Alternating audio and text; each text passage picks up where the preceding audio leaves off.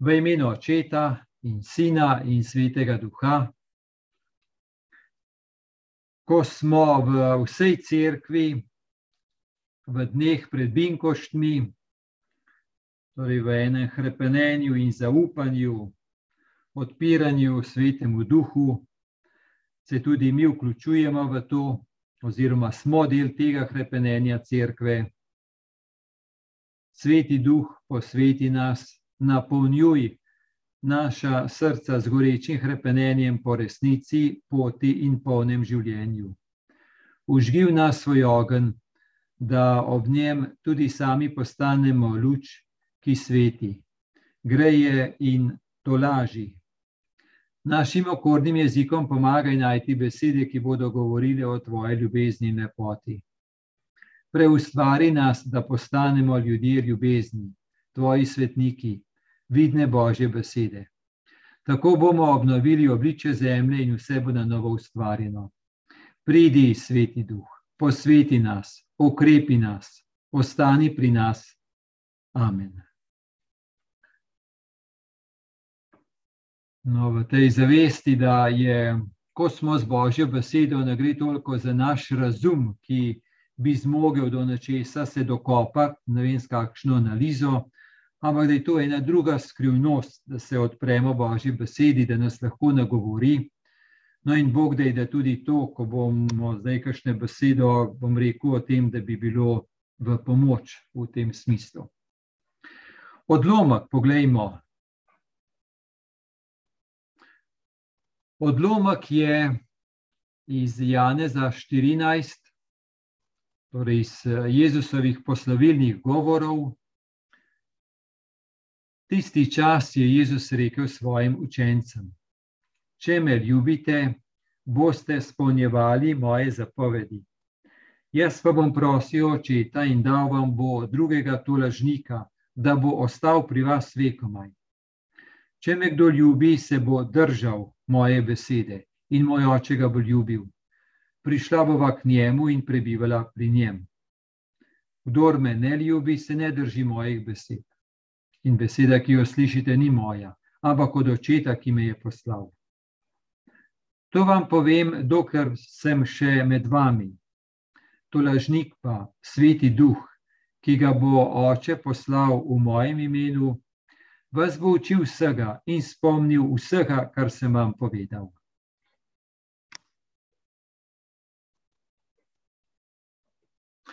No, ta odlomek je za Binkošno nedeljo, torej za to leto, ki je leto C. Dobro, da se spomnimo, kakšno besedo o Binkoštih. Najprej lahko to, da um, slovenski izraz Binkošti pride iz grškega izraza Pentekoste, ki pomeni 50. Pentekoste, nekako tako, da je to um, vsaj govorno prenešeno v slovenščino, je potem nastal binkošti, torej pentekoste so binkošti. Zato so. So pa binkošti um, že praznovali tudi v Stari zavezi, jasno, z drugim pomenom, ampak tudi v Stari zavezi. To je bil 50. dan uh, po Veliki noči, po Paschi. Torej, za Veliko noč so se oni spominjali, kako so bili rešeni iz egiptovske, iz egiptovske služnosti mi pa se spominjamo, kako smo rešeni iz greha, iz zla. Torej, oni so obhajali Pasko in 50. dan po veliki noči, po Paski, so pa oni obhajali um, dogodek, da jim je bila na poti iz Egipta, da jim je da, bila dana postava na Sinaju. Ker postava je bilo nekaj pomembnega, torej postava jih je Bog peljal ven in jim je rekel, zdaj pa vam dam svobodo, vam dam avtonomijo, zdaj pa, da bi vi znali uh, živeti to avtonomijo, da bi vi znali živeti, da, da ste moje ljudstvo, da sem jaz z vami, vam dajem pa to postavo. To je bila sinajska postava. Torej, držite se tega, pa bomo mi med seboj povezani. Jaz, vaš Bog, vi pa moje ljudstvo. Gotovo je po tekom zgodovine se je montiralo zraven še ogromno enih predpisov, pa zapovedi, pa prepovedi, ogromno vsega. No, drugi, drugo, kar so imeli ljudje v stari zavezi na Binkošti, je bil pa to praznik žetve. E, to se pravi, žetev, to je bilo en tak vesel dogodek, če je le bila dobra letina, en tak vesel dogodek, da so oni bili deležni, torej so delali, obenem so bili deležni blagoslova, da je dež prišel in je potem bil en pridelek in so se Bogu zahvalili za ta pridelek. Torej, ljudje imajo um, tako izkušnjo, kako je Bog deloval v njihovi zgodovini. To je bila najbolj temeljna, potem pa je bila dodana še ta um, referenca na, tako, na, na stvarstvo, na naravo. V letu C nam je možno, da sta dva različna odlomka. Jaz sem vzel tistega, ki je prvi po vrsti napisan. Torej, tako je rekel, tisti čas je Jezus rekel svojim učencem: Če me ljubite, boste spolnjevali moje zapovedi, če me kdo ljubi, se bo držal moje besede in moj oče ga bo ljubil. Prišla bova k njemu in prebivala pri njem, kdor me ne ljubi, se ne drži mojih besed in besede, ki jo slišite, ni moja, ampak od očeta, ki me je poslal. No, te besede, zelo podobne, praktično določene, prav iste, smo nedavno že slišali. Zato zdaj samo kratko o teh stavkih Jezusovih, pa se bomo druge več ustavili. No, to, kar izstopi, je to, če me ljubite, boste spolnjevali moje zapovedi. Kdor me ne ljubi, se ne drži mojih besed. To, ne, kako je vse postavljeno na ljubezen do Gospoda, na odnos z njim, na to je vse postavljeno. Če je to, Torej, če je odnos, če je ljubezen, če je povezanost, če je zaupanje, potem se lahko gre naprej, potem ima smisel na tem graditi. Se spomnimo lahko, kako sta se srečala ostali Kristus in Peter v tistem pogovoru, ki ga, ko ga je Jezus spraševal, ostali Jezus ga je vpraševal trikrat, ali me ljubiš, ali me imaš rad, in tako naprej. In potem mu je rekel, pasi moje ovce in moje jagode. Pomeni, najprej ga je spraševal po odnosu. Vprašal ga je, Peter, a je med nama zaupanje, a je med nama dober odnos, a je med nama ljubezen. Ker če je to, potem greva naprej, če pa ne pa brez veze. Ker edino na ta način, ko je bila močna vez, zaupanja in ljubezni med Petrom in Jezusom, potem mu je lahko Jezus dal poslanstvo, in tudi edino na ta način ne bo Petr rekel: Kaj se pa ti greš, kdo pa sem, kaj se pa spravljaš nam, jaz imam svoje življenje, briga me, kdo si ti. Bi tako lahko rekel, ne? kaj se vtikaš vame. Tako da vidimo, kako um, je res nekaj temeljnega tudi v krščanstvu, vse gotovo je pomembno, kaj vse mi naredimo ali pa ne naredimo, če se naj se ugibljamo, pa kaj naj se potrudimo, pa tako naprej. To je vse to pomembno. Ampak to ni najbolj temeljno. Prav gotovo ne. Najbolj temeljno je odnos z Gospodom, to je najbolj temeljno. Potem vse ostale stvari pridejo. Ker že ta odnos zaupanja, predanosti, ljubezni, edino potem ima smisel karkoli naprej. Drugač bomo pa res lahko doživljali Boga kot enega tirana, ki kar nekaj hoče od nas. Ampak za odnos gre in to za odnos, za ljubeč odnos, za zaupanje, za povezanost. Potem pa tudi to, kar nekdo reče, ni težko, ampak je nekako so naravno, nekako so zvočno, ni nekaj tujega. Konec koncev, tudi v naši izkušnji, v vsakdanu, mislim, da se vsi dobro zavedamo, da če odnosi tečejo, če odnos teče, potem iz tega lahko kaj izraste dobrega. In edino, če odnos teče, potem se na tem lahko kaj dobrega zgradi. Če pa tega ni, pa pa lahko ne vem kaj. Nasilo ali z ustrahovanjem, ali z izsiljevanjem, ali z manipuliranjem, ne vem, kaj že dosežemo, ampak to ni to. To nima nobenega pravega okusa in nobene konsistence v sebi, se prej zdaj zruši. Tako je, tako smo narejeni, tako je odnos z Bogom, da je vse naslonjeno na odnos, na ljubezen do njega, na povezanost z njim, na zaupanje, na predanost. In če je to, potem naprej gre. Pa tudi naši medsebojni odnosi. Tako je, tako smo narejeni. No, še eno besedo, ko Jezus omenja zapovedi. Če me ljubite, boste spolnjevali moje zapovedi.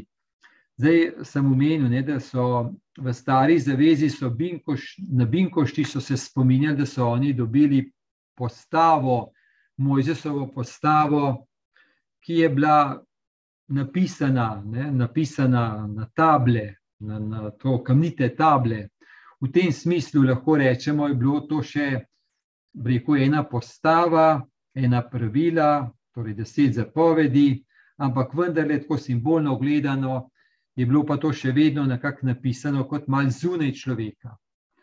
No, da v novi zavezi, ko pa Jezus pride in še posebej, ko je pa dan poslan sveti duh, smo pred Binkošmi, zato je ta odlomek, takrat je pa sveti duh, ki daje postavo ljubezni v naša srca, ki je temeljna postava, temeljna zapoved. Torej, sveti duh, ki vtiskuje v nas, v naša srca, ki vliva v naša srca ljubezen in pa postavo ljubezni, ali pa zapoved ljubezni.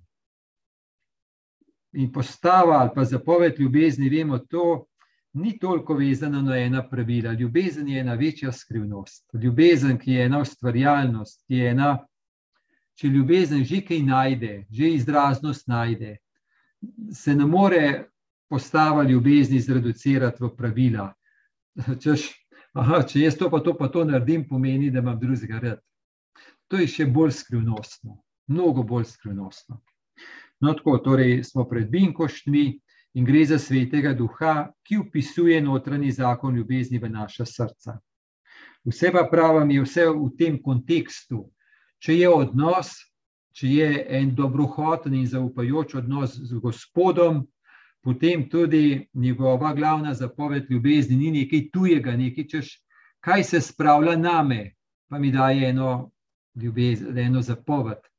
Ampak, če je odnos z nekom, ki je ljubezen, potem tudi dati prostor tej ljubezni, rekel je to zapoved, ampak vendarle je pa to nekaj, kar nekako teče v eni taki, bi rekel, so naravnosti.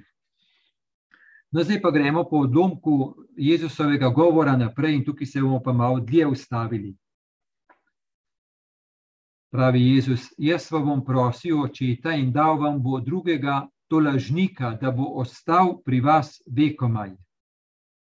To vam povem, dokler sem, dokler sem še med vami, tolažnik pa sveti duh, ki ga bo oče poslal v mojem imenu, vas bo učil vsega in spomnil vsega, kar sem vam povedal.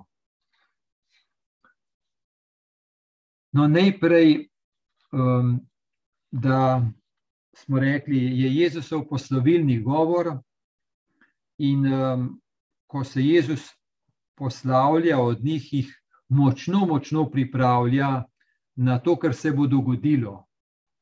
In reče: Ne bo enostavno, zdaj sem jaz z vami in se lahko name oprete, jaz vas tudi branim. Jaz vas spodbujam, ko vidim, kaj se vam dogaja, hitro zaslutim, kaj je z vami in vam povem, kakšno besedo o pogumljenju, ali pa tudi kakšno opozorilo, ker lomite ga tudi, prav gotovo. In uh, v, sem jaz z vami, ampak ne bom več dolgo. Ne bom več z vami. Ampak boste pa prijeli svetega duha, on pa bo z vami. In sveti duh, in Jezus govori, sveti duh vam bo potem marsikaj povedal. Ker kaj se bo zgodilo, ko bom jaz trpel, ko se bo človeško zlo name zgrnilo, ko bo izgledalo, da ima človeško zlo vso moč, ko bom jaz, mene boste videli šipkega in nemočnega, obsodili me bodo po krivici, ko bom trpel na, na križu. Prav, ko ste vi to gledali, se ne boste videli, kaj se dogaja. Vi boste videli samo to, kar boste videli. Pomeni, boste videli moje zunanje trpljenje, boste videli človeško zlo, kako strašansko silo ima in moč, in drugega kot to ne boste videli, samo to boste občutili. In boste rabili svetega duha za to, da boste lahko prepoznali, da se še kaj drugega dogaja. Boste lahko prepoznali, da v tej, kar izgleda zmaga človeškega zla, da dejansko zmaga božje ljubezni. Da je Bog tako velik v ljubezni, da, da upa iti na križ, da upa ljubi do konca. Da je Bog tako dober in tako velik in tako močen, da se ne, ko gre za vprašanje tudi trpljenja, ki se človeku, kot človeku, zmeraj upira, da jaz ne bom nazaj stopil, ampak bom stopil v trpljenje. Vi takrat, ko se bo dogajalo, ne boste mogli zastopati, ne boste mogli dojeti, kaj vse se dogaja, ampak sveti duh potem vam bo lahko odstrl pogled, da boste videli, kako ni samo človeško zlo bilo na delu, ampak je ena velika, velika božja ljubezen, božja moč in božja zmaga. Da gre dejansko za božjo moč, ne za božjo nemoč na križu, za moč ljubezni, ki je tako velika.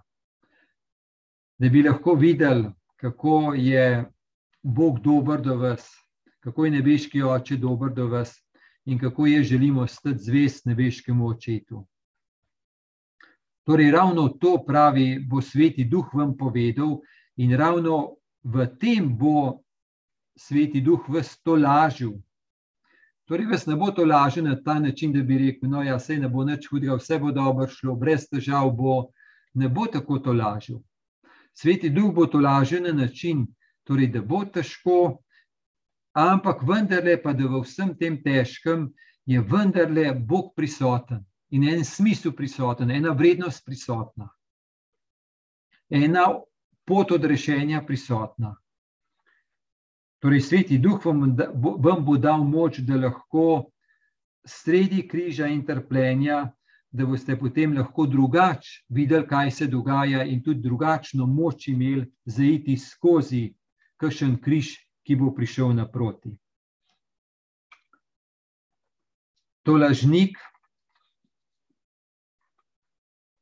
V grščini je to paraklet, od eh, besede parakaleo pomeni zagovarjati in eh, zagovornik, parakletos.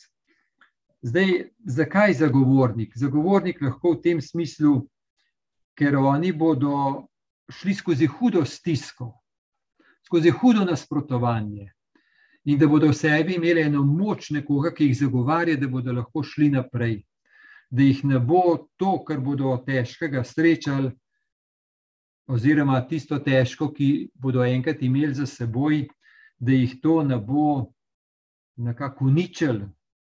Ker po tem, kar se je težkega zgodil z Jezusom, gotovo oni bi bili lahko zelo, zelo uničeni. Ko govorimo o tolažbi, je dobro vedeti, torej, da tukaj je mišljena duhovna tolažba. Tolažba svetega duha. Torej je obljubljen sveti duh Jezusovim takratnim učencem, je pa obljubljen tudi nam, ki smo Jezusovi učenci.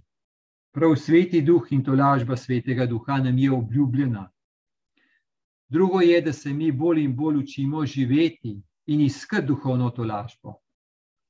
A so še kakšne druge tolažbe kot duhovna tolažba? No, poznamo tudi druge tolažbe. Vemo, da je lahko tolažba, da ko pride kakšna stiska, kakšna težava, kakšen problem, rečemo, da jih lahko kar nekaj takih naštevamo, so lahko tolažbe, da takrat, ko je kaj hiter, hiter, hiter v kuhnjo, v hladilnik, pa že kaj dati pa, pa že nekaj, že nekaj tolažbe pride. Ne? Že nekaj, že nekaj, zdaj če je bolj sladko, morda če bolj potolaži, um, če je bolj ta prav procent čokolade, te prave čokolade v čokoladi, še bolj in tako naprej. Torej, ne zdaj, tako no, da ne bi zdaj pretiravali, pa mislili, da je vsaka čokolada. Ne, vemo, ne, kaj pomeni skratolažbe. No, češ da me bo to rešil. Potem, kaj so lahko še kakšne druge tolažbe, take, breku, pocen tolažbe, ki pa dejansko ne potolažijo v globino. Torej, da gremo po čokolado, takrat, ko jo rabimo, ko rabijo nekaj sladkorja, ko, ko telo rabi nekaj tega, jasno in normalno, ne se upam, da se zastopimo. Ker jaz nimam nič proti čokolade, ne bi zdaj tako sketsko zgledali. No. Konec koncev, zakaj pa so poje v samostanih radi čokolade delali, v kakšnih trapistovskih samostanih, pa so čokolade delali. Gotovo jih niso samo prodajali, ampak so jih morali sami provati, da so videli, da so dobre. Pa kako dobre narediti. No, tako. Podobno za vino, gotovo so v samostanih tudi vino pili. Ampak kaj pomeni iskati to pocento laž po, v pijači, v prekomerni pijači? To je razlika. Se Jezus je tudi pil vino, pa tudi v samostanih, v menihi. Ampak iskati to lažbe, to govorimo. Ne? Kaj pomeni v opoju, v opojnosti iskati eno to lažbo. Potem, koliko je iskanja to lažbe kot način, en način zdravljenja v drugi, v omami, je ogromno tega. Prav v breku, reševati kakšno stisko, vse mar zdaj, ko gre za vprašanje druge, ni zdaj kar vprašanje samo užitka samega po sebi, ampak zdravljenja nečesa, malo zdaj zdravljenja ene stiske, lajšanje ene stiske, da se lahko preživi nekaj. No, potem včasih, včasih, kar še tudi reče, meni ne bo to lažje, da grem v trgovine, pa nekaj nakupam. To me tako z, no, z nečim novim napolne, da kar je moč, pa grem naprej. Sicer naraven stvari, ampak nekaj časa pa še. No, potem vemo, je lahko internet, pa tudi prekomerno delo, je lahko tudi en, ena poceni tolažba, prav gotovo. Delo vse zapolni, vse rešeno, spoh ni več treba čuditi nobenih vprašanj, nobenih bistvenih stvari, vse je delo, ne se vse zapolni. Ampak je to res globinska, duhovna tolažba, to je pa drugo. Tudi v tem smislu lahko rečemo, ena taka tolažba, ki ni celostna, je um, taka, rekel, zgolj čustveno sentimentalna. Tako, naprimer, vse človeku paše, ja, jaz sem bogi, pa grem henu, pa mu pojamram, ki mi tudi reče, ja, si res bogi.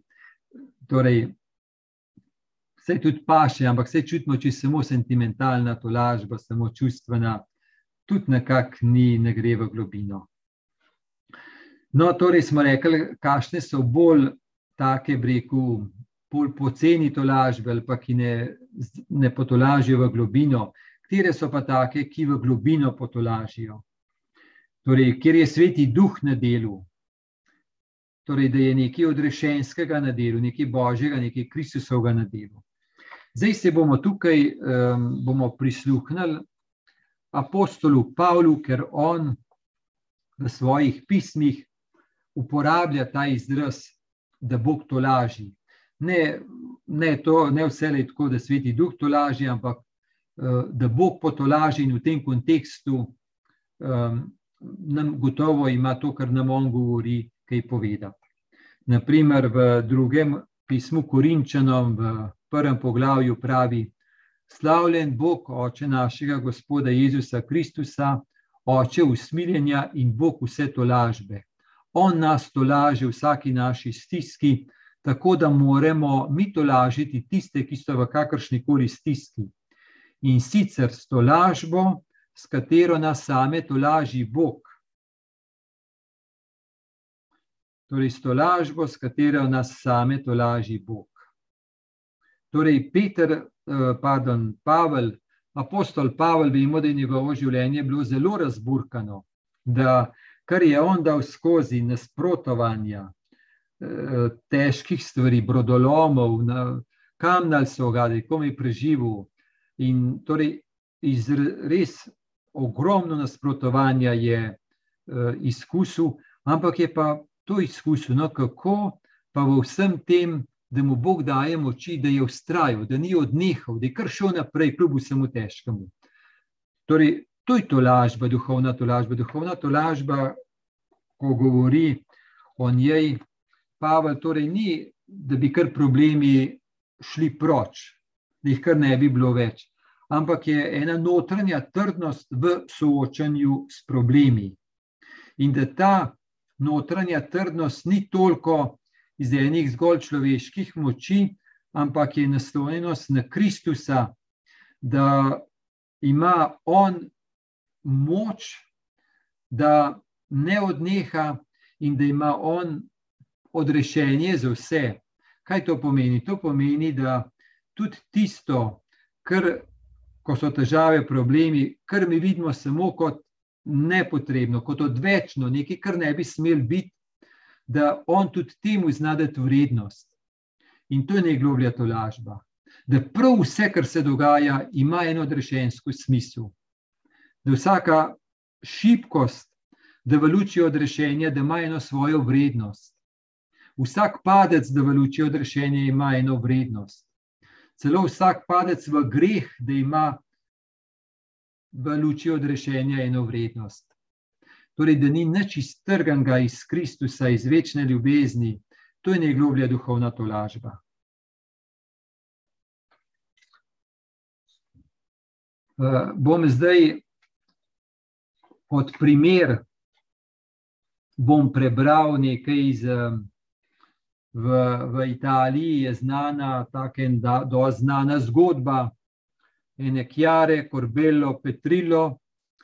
Um, je tudi kakšna knjiga, če se ne motim, je tudi v slovenščini, kakšna knjiga o njej, o njeni izkušnji.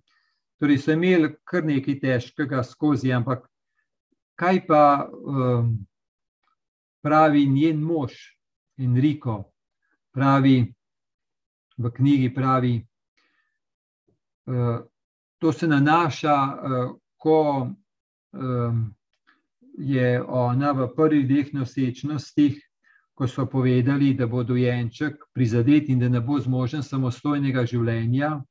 No, pa se je odločila, da jih bodo nosila, pa rodila, tako da je oba dva, um, sta pa pa jih malo umrla no, po rojstvu. No, pravi tako.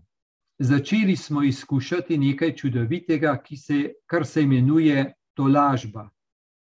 V vsaki preizkušnji je tolažba, je dar svetega duha, ki ni potrepljanje po rami, češ, vse ni nič hudega, samo naprej. Pač pa je, tukaj je iz italijanščine, con il solo, consolazione, malo je igra jezika v italijanščini. In con il solo pomeni ne se čutiti sam, videti, da je Bog s teboj.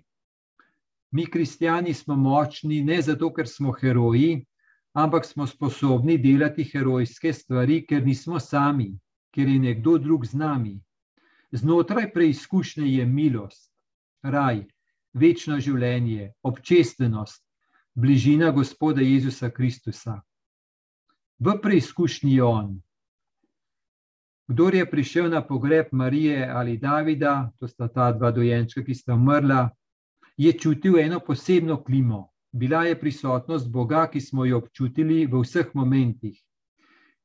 Izkusili smo to lažbo, ki ni emotivna, ampak je bližina z vsemi drugimi ljudmi, ki trpijo. Čutiti ljubezen do vseh drugih, zavedajoč se, kako zaprti v sebe živimo in trpljenje postane lahko velika priložnost za odprtost srca. Ne mislite, da kristjan ne živi bolečine, trpljenja. Meni je umrla Kjara, torej ta žena, ki potem je rodila enega, ampak je umrla. Pravi, meni je umrla Kjara, nosim v srcu bolečino tistega, ki je izgubil 28 let staro ženo in se znajde sam s sinom. Ni to, da ker si kristijan, živiš manjšo bolečino, ne, ampak imaš večjo tolažbo. Tako se zavedam, da je lahko malo tak, bi rekel, ekstremni primer, ampak vemo, kaj se vse v življenju dogaja. Ampak bolj za dinamiko gre, za vsebino gre. To pogled in to, da zaslutimo, no res, kaj pomeni duhovna tolažba, pravi tista, ki povezuje z Bogom in Kristus res prinaša smisel tam, kjer ga mi, človeško gledano, smisel je, ne vem, tam, kjer nam dobro gre, kjer uživamo, kjer take stvari. Medtem ko pa Bog pa vse želi rešiti, vse, vsemu dati vrednost. In to je najgloblja duhovna tolažba, da ni nič brezvezenega, tudi nobeno trpljenje, ki je živeti v poslanstvu, na poti poslanstva, na poti ljubezni, da ni nič brezvezne. In da tudi preizkušnja, da tudi stiska, ki bi človeško rekel, brez veze, samo trp. Toliko je v, s tem mojim možem, s to mojo ženo, kar ne prej nekaj. Ampak ravno to je to lažba, da ni samo to, da je vendarle spodaj, vendarle lahko en smisel, ena vrednost. Gotovo, tam, kjer sveti duh to reče, če pa kaj drugega reče, pa tudi kaj drugega reče. Prav gotovo. Zdaj še imamo čas, še nekaj drugega še en korak naprej, bomo spet začeli najprej pri Pavlu. V tem istem pismu, drugem pismu Korinčana, v sedmem poglavju, pa to reče. Tudi po prihodu v Makedonijo naše meso ni imelo nobenega pokoja. Na vse načine smo doživljali stisko, zunaj boji, znotraj strahovi. Tudi Bog, ki to laži potrte, nas je potolažil s Titovim prihodom. Torej, pravi Pavel, ki smo prišli tja, da zven ogromno, ogromno bojev, znotraj ogromno strahu, v katerih smo se znašli. Ampak pravi, Bog nas je pa tolažil. Ampak pogledajte, s Titovim prihodom, Tito je bil njegov sodelavec, njegov pomočnik. Kaj to pomeni? Da ne bi mi tako gledali, češ da sveti duh tolaži samo direktno v srce, da je to duhovna tolažba, da če je bilo pa po človeku, pa bi bilo pa kar ne vem kaj drugega. Ne, ko smo govorili, kaj je zgolj čustvena tolažba, to je drugo vprašanje bilo. Tukaj je to, ne, torej, da Bog lahko potolaži uh, tudi po človeku, oziroma je to en dost običajen način, kako Bog potolaži po človeku. In jasno, da tudi čustveno potolaži, ampak ne samo čustveno, za to gre, da bolj celostno in bolj globinsko. Da ne bi res se ujeli v kakšno tako pas, da bi rekli, no, zdaj, če je tako vertikalno, samo jaz pa Bog, potem je to duhovna razsežnost, če so pa ljudje, pa me, po ljudeh Bog potolaži, pa ne. To res ni krščanstvo. Krščanstvo je, torej Bog potolaži v Kristusu. Jasno, Kristus, s Kristusom smo v stiku, ampak mi smo v Kristusovem telesu in mi smo v tem smislu pot tolažbe, da Bog drug drugega potolaži, drug po drugem. Ker mi smo Kristusovo telo, um, nekako mi drug drugemu smo pot tolažbe. Ampak to, ne, kako pa drug drugega potolažimo, z napačno tolažbo, da rečem, da je pevan pa en liter spiva skupaj, pa bo boljš. Ali to, da ne vem, da samo čustveno potolažimo, ali pa bolj globinsko, z eno večjo povezanostjo, pa globino in v povezovanju z Bogom, no to je vprašanje. Torej, prav gotovo, da um, tista tolažba, ki pride od Boga, mnogokrat pride po človeku. Jasno, da si, zakaj pa smo mi drug drugemu dani, če ne zato, da me po drugem, da me božja tolažba doseže. Seveda si smo si zato dani drug drugemu, pa zaupani drug drugemu. Da Gospod drugega mi da, da me po drugem potolaži in da mene da drugemu, da me po drugemu potolaži. Jasno, eden enkrat, drugič drugi, eden na en način, drugi na drug način. Ampak je eno tako pretakanje božje ljubezni. In včasih se lahko naredi, da morda drugi se niti zavedane, kako je drugi potolažen. Tudi to se lahko zgodi. Se spomnim, da je v, v enih duhovnih vajah, pred leti se spomnim, da je bilo en, en tako, pač tisti dan, da je bil za me res težek, kar, kar res več udarcev, pa molitveni so šle. In sem bil res kar nekako, kar bogi, no, kar bogi, kar tako, nekako sem bil kar bolj na tleh, ne, v duhovni potrtosti. No, in se spomnim, ko sem šel na pogovor, pa sem temu jezuitu, en italijan je bil, sem mu povedal, kaj pa kako, pa tako ne.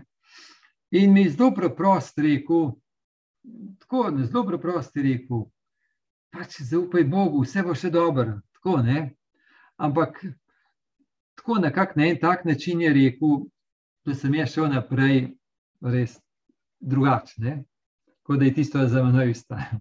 Poj sem pa na koncu duhovnih vaj, sem pa rekel, se ti pa še posebej za tisto zahvalim, za tisto, kar si mi rekel, takrat pa takrat v zvezi s tistim, pa tistim odom, ko še zdaj se spomnim, je bil to Jezus, pa Bartimaj je bil. Pa on rekel, kaj, kaj, a sem ti kaj rekel? Jaz sem rekel, to sem rekel, pa ponoči se nas spomnim. Se pravi, za njega je bilo nekaj tako običajnega, da mu niti nekaj posebej ostalo v spominu. Sam je bilo pa tako dragoceno. Tako rekel. No, in to rekel, mi dejansko sprot se niti ne zavedamo, kaj vse se pretaka med nami. Kaj, koliko je lahko tega. Enkrat bomo to videli, kaj bo to dobro. Bomo se prav čudili. In takrat bomo lahko čutili to, ker zdaj morda niti ne vemo. Takrat pa to, kar je resnično, bomo lahko vse to bolj videli, enkrat v dopolnjenosti, v eskatonu. Zdaj še ne vidimo, mar zdaj za nazaj, kakšno stvar vidimo. Kakšno tudi sproti, jasno da. Ampak mar skakšno pa za nazaj. Verjamem pa, no, da je te duhovne tolažbe, um, še posebej te nej, najgloblje. No, če bi rekli, kaj je najgloblje duhovna tolažba, je ta, da, da smo brezpogojno Kristusovi. Ne ukolikor smo v redu, ne ukolikor se potrudimo, ne to, to ni, to sploh ni duhovna tolažba. To je bolj, rekel je, tolažba, ki jo mi naredimo, ki mislimo, da no, se bomo mi potrudili, pa bomo nekaj. To ni najgloblja duhovna tolažba. Najgloblja je, da smo mi brezpogojno Kristusovi, da pripadamo brezpogojno Božji ljubezni, večni ljubezni in da vse, kar koli v našem življenju, tudi tisto, kar se nam zdi nečkaj vredno, da je v Bogu dragoceno in vredno. Da nam Bog da to vrednost, ne mi sami sebi, pa uspeh pred ljudmi, ampak da nam njegova ljubezen da vrednost da je prav vse, kar smo in kar živimo, da je vredno. Tudi tisto, kar bi mi hoteli zradirati iz našega življenja. Ven. No, tako počasi vidimo, da je prav, da zaključimo. Torej, nas sveti duh uči vsega tega, vse te povezanosti z Bogom, z božjo ljubeznijo in tudi nas med seboj. To je sveti duh, ki to dela. Dobro, smo več govorili o težavah, zaradi tega, ker Jezus jim govori, jih pripravlja na težave je pa gotovo vprašanje odprtosti svetmu duhu, torej ne samo takrat, ko so težave, takrat še posebej, da takrat, ko pride kakšna stiska, pa težava, pa strah, da, da se ne bi notranje tako zaprl, zaprl vase, skrčil, ampak da bi takrat se lahko odprl. In je sveti duh, ki nam da to moč, da se odpremo in da ostajamo zvesto povezani z Bogom. Da ne podvomimo takoj, ampak torej, da da v vsem, kar smo, torej, da nismo sami, da smo z Gospodom, da gremo v očetovo naročje in da gremo skupaj, da postajamo že na, na tej zemlji, da postajamo in da prepoznavamo drug v drugem um, brata in sestro. No, tako to Jezus govori, pa govori nam in Bog, da je tudi kaj dobrega tudi potem, ko se mi tako zbiramo, že to, da se skupaj zbiramo, je dobro. Ne, no, naj vas vse spremlja, Božji blagoslov, pa vse vaše blagoslov, vse mogoče.